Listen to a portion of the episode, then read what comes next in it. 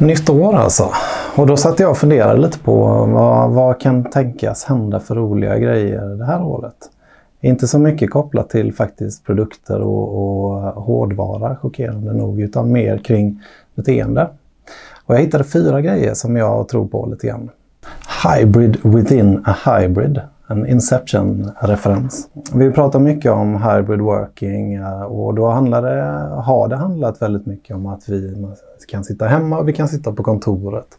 Eh, men så finns det ju en massa andra miljöer och ytor. Men det jag menar med hybrid within hybrid är att vi, vi kommer nog se eh, att vi börjar leka lite mer med de ytorna vi har. Exempelvis det lilla mötesrummet. Det tror jag kommer börja dyka upp i hemmet också. Som vi tar som exempel två eller tre kollegor som vill arbeta tillsammans men man vill inte behöva åka in till kontoret. Man kanske inte ens får åka in till kontoret. Att man sitter två, tre personer som en liten grupp hemma hos någon och kopplar upp sig därifrån. Det är ett exempel. Activity classification Ja, och det handlar mycket om att eh, vi behöver, och har nog insett det ganska för en stund sedan också faktiskt, att vi behöver börja få struktur över, över våra möten så att det inte blir för mycket möten och eh, så att möten sker på rätt sätt. Så jag tror att vi kommer börja se mer att vi klassificerar vilka aktivitetstyper eller mötestyper vi har för att kunna avgöra då om är det här något som faktiskt ska vara ett möte och om det ska vara ett möte, vilken typ av möte? Är det ett hybrid, fysiskt? Är det ett webbinar?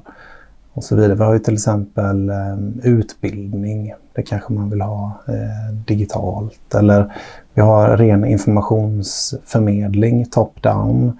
Det kanske ska vara ett webbinar.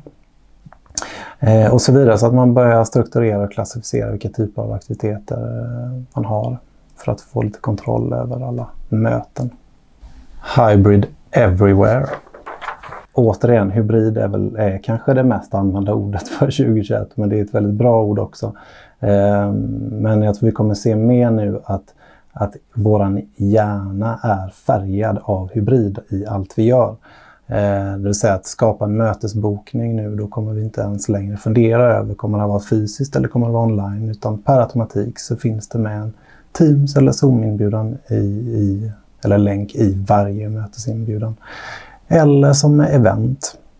Jag tror vi kommer se ganska få event som är enbart fysiska i framtiden, utan det kommer vara fysiskt och digitalt, alltså en hybrid event. Samma med utbildning. Eh, så att i allt vi gör och hur vi tänker eh, så blir hybrid everywhere.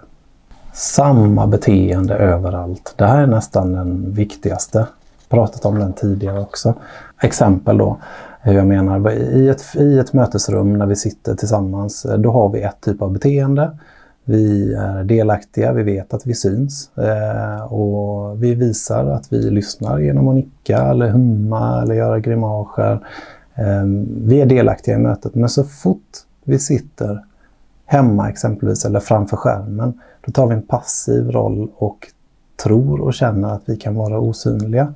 Det första vi gör är att vi mutar Eh, eller stänger av mikrofonen och så sitter vi passiva då. Jag skulle vilja att vi tar med oss det beteendet vi har i ett fysiskt möte till det digitala också. Att vi inte stänger av mikrofonen för stänger vi av den då tar vi bort alla chanser till, till eh, impulsiva svar eller eh, naturliga reaktioner i ett möte. Eh, har du ett bra headset så behöver du inte stänga av mikrofonen, så är det.